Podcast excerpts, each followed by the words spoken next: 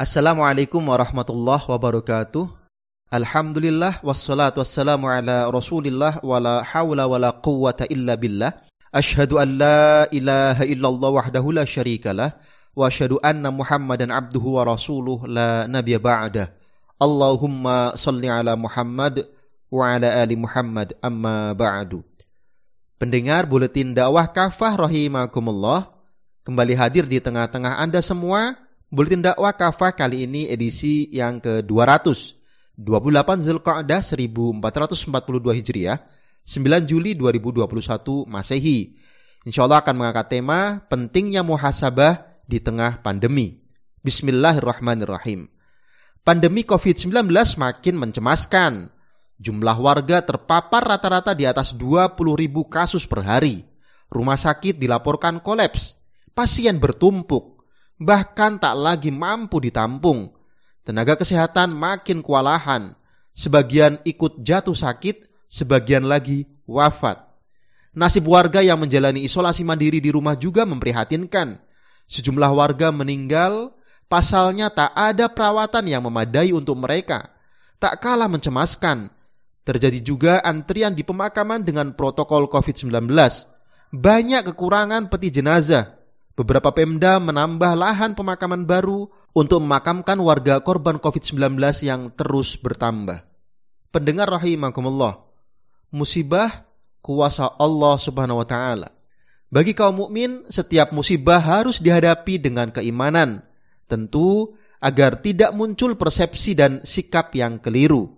Yang pertama, seorang muslim wajib mengimani bahwa tak ada satupun musibah yang dia alami melainkan atas kehendak Allah Subhanahu wa taala. Bisa Anda lihat di Quran surat At-Taubah ayat 51. Tidak ada satupun musibah seperti bencana alam atau wabah terjadi begitu saja. Semua makhluk yang ada di alam semesta tunduk pada perintah Allah Subhanahu wa taala, termasuk berbagai makhluk seperti virus atau bakteri penyebab wabah penyakit. Semua tunduk pada kekuasaannya. Allah berfirman dalam Quran surat Al-Hajj ayat 18, A'udzu billahi minasyaitonir rajim. Bismillahirrahmanirrahim. Alam tara anna Allah yasjudu lahu man fis samawati wa man fil ardi wasyamsu wal qamaru wan nujumu wal jibalu wasyajaru wad dawabbu wa katsirum minan nas. Tidakkah kamu tahu bahwa kepada Allah bersujud apa saja yang ada di langit dan di bumi, juga matahari, bulan, bintang, gunung, pohon-pohonan, binatang-binatang yang melata, dan sebagian besar manusia? Imam Al-Alusi menjelaskan bahwa yang dimaksud dengan sujud adalah masuknya segala sesuatu di bawah kendali Allah Subhanahu wa taala dan irodahnya serta kecenderungannya pada apa saja yang Allah Azza wa Jalla adakan. Al-Alusi dalam kitab Ruhul Ma'ani jilid 13 halaman 27. Dengan memahami kenyataan ini, seorang hamba akan mengakui kebesaran dan kekuasaan Allah Subhanahu wa taala. Dia pun akan menyadari kelemahannya sebagai makhluk. Ketika manusia membanggakan kecanggihan teknologi kedokteran, farmasi dan sebagainya, ternyata akan sampai pada satu realita bahwa manusia tak sanggup mengalahkan kekuasaan Allah Subhanahu wa taala. Bahkan menghadapi makhluk kecil seperti virus saja, dunia nyaris lumpuh Benarlah firman Allah Subhanahu wa taala dalam Quran surat Al-Baqarah ayat 26. A'udzu billahi minasyaitonir rajim. Bismillahirrahmanirrahim. Innallaha la yastahyi ay yadriba masalam ma ba'udatan fama fawqaha fa ammal ladzina amanu faya'lamuna annahu al-haqqu min rabbihim. Sungguh Allah tidak akan segan membuat perumpamaan seekor nyamuk atau yang lebih kecil dari itu Adapun orang-orang yang beriman tahu bahwa itu kebenaran dari Tuhan mereka. Yang kedua, seorang mukmin wajib memahami bahwa sepanjang kehidupan di dunia dia akan selalu mendapatkan berbagai ujian. Allah Subhanahu wa taala berfirman dalam Quran surat Al-Baqarah ayat 155, A'udzu billahi minasyaitonir rajim. Bismillahirrahmanirrahim lanabluwannakum bisyai'im minal khawfi wal ju'i wa naqsim minal amwali wal anfusi was samarati wa basyiris sabirin. Kami pasti akan menguji kalian dengan sedikit ketakutan, kelaparan, serta kekurangan harta, jiwa, dan buah-buahan. Sampaikanlah kabar gembira kepada orang-orang yang sabar. Imam Al-Tabari mengutip pernyataan Ibnu Abbas radhiyallahu an mengomentari ayat ini. Allah Subhanahu wa taala mengabarkan kepada orang-orang beriman bahwa dunia adalah negeri ujian atau dar bala. Mereka akan diuji di dalamnya. Allah memerintahkan mereka untuk bersabar, lalu Allah memberikan kabar gembira dengan berfirman, "Sampaikanlah kabar gembira kepada orang-orang yang bersabar." At-Tabari dalam kitab Jami'ul Bayan jilid 2 halaman 219. Demikianlah hakikat kehidupan dunia. Tak ada seorang hamba pun yang melewati hidupnya tanpa ujian dari Allah Subhanahu wa taala.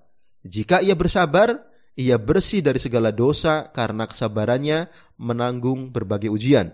Sabda Nabi Shallallahu alaihi wasallam, "Fama yabrahul bala'u bil ba'di hatta yatrukahu yamshi 'alal ardi 'alaihi khati'atun."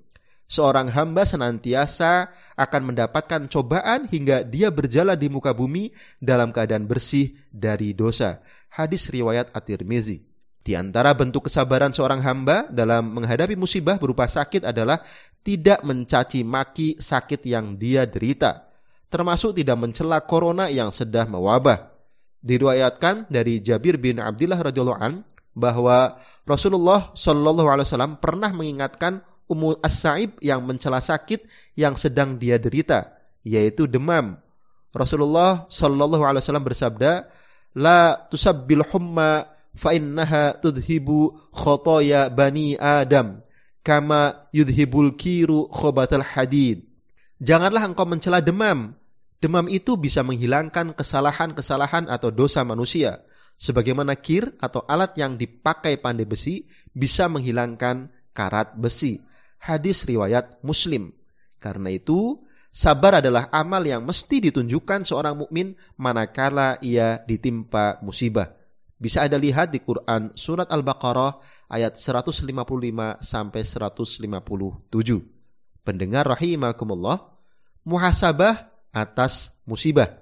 Selain ridho dan bersabar, kaum muslim juga diperintahkan untuk melakukan muhasabah umat wajib muhasabah atas kemungkinan dosa-dosa yang dilakukan yang menyebabkan datangnya bencana.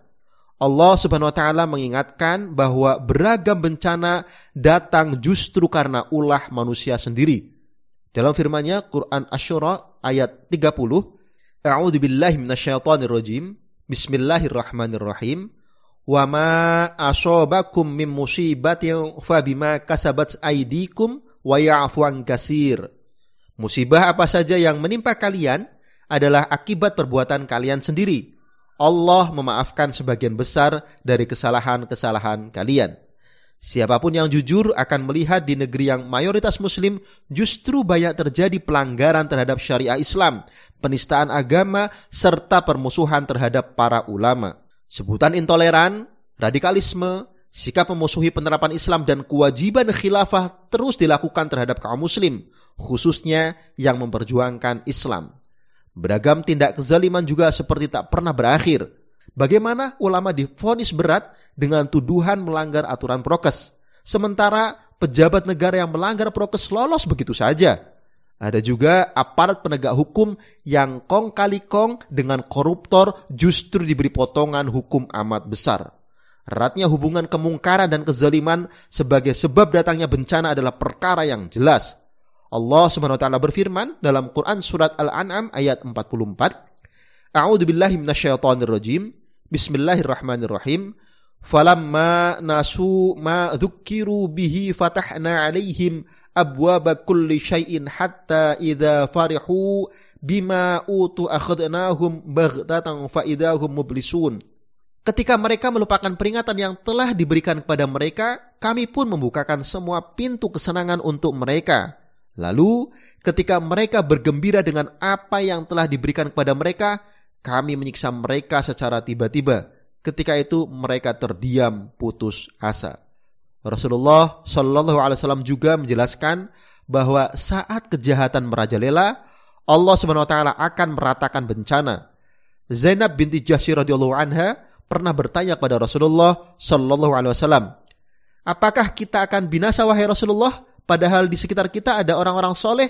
Beliau menjawab, Naam, idha kathurul khobsu. Ya, jika kemungkaran itu sudah merajalela. Hadis riwayat Al-Bukhari. Benar apa yang dikatakan oleh Rasulullah Shallallahu Alaihi Wasallam. Saat ini kemungkaran telah merajalela. Lalu datanglah bencana yang juga menimpa orang-orang soleh. Selama pandemi ini dilaporkan ada sekitar 584 ulama yang meninggal karena wabah. Belum termasuk para imam dan pengurus masjid serta para ustadz pembimbing umat lainnya yang juga wafat karena wabah. Karena itu, selain berikhtiar mengerahkan kemampuan teknologi kedokteran dan obat-obatan, kaum muslim harus melakukan taubatan nasuha, kembali kepada Allah dengan menaati semua aturannya mereka harus menjadikan agama Allah sebagai petunjuk, tidak memusuhi Islam, tidak menuduh Al-Quran dan syariat Islam sebagai ancaman. Berikutnya umat harus menyadari bahwa mereka tidak memiliki kepemimpinan yang serius meriayah atau mengurus urusan mereka. Meledaknya pandemi kali ini adalah rangkaian ketidakseriusan pemerintah menangani wabah. Pemerintah tidak mau menerapkan prokes dengan ketat di tengah masyarakat. Pemerintah pun tidak mau menjamin kehidupan warga agar tidak beraktivitas di luar rumah. Sejak awal pandemi merebak di dunia, pemerintah terus membuka kedatangan warga negara asing ke dalam negeri, termasuk dari Cina sebagai asal wabah. Bahkan ketika pandemi masuk ke tanah air, pintu imigrasi masih terus dibuka. Fatal akibatnya. Corona varian Delta yang berasal dari luar negeri akhirnya merebak ke tanah air. Inilah tindakan yang justru mendatangkan maldorot atas negeri ini. Ini sebenarnya telah diharamkan syariah. Nabi Shallallahu Alaihi Wasallam bersabda, "Man bihi wa man alaih." Siapa saja yang membahayakan orang lain, Allah akan menimpakan bahaya kepada dirinya. Siapa saja yang menyulitkan orang lain, Allah pun akan menimpakan kesulitan atas dirinya. Hadis riwayat Abu Dawud. Pendengar rahimakumullah umat membutuhkan pemimpin yang benar-benar mau mengurus mereka dan melindungi mereka dari bencana. Pemimpin ini tentu yang mengurusi umat dengan syariah Islam, yang menanamkan iman dan takwa kepada warga sehingga mereka menjaga diri dari berbagai tindakan madorot, taat pada protokol kesehatan, serta yang memberikan pelayanan kesehatan sebaik-baiknya, termasuk menghindarkan negeri dari sumber penyakit. Semoga Allah Subhanahu wa taala segera mengangkat wabah ini dari tengah-tengah umat dan negeri-negeri muslim. Semoga Allah Subhanahu wa taala pun menyegerakan tegaknya kepemimpinan Islam yang melayani umat dengan syariah Islam dalam naungan khilafah ar-rasyidah sesuai dengan metode kenabian. Amin. Demikian buletin dakwah kafah edisi 200, pentingnya muhasabah di tengah pandemi. Terima kasih. Wassalamualaikum warahmatullahi wabarakatuh.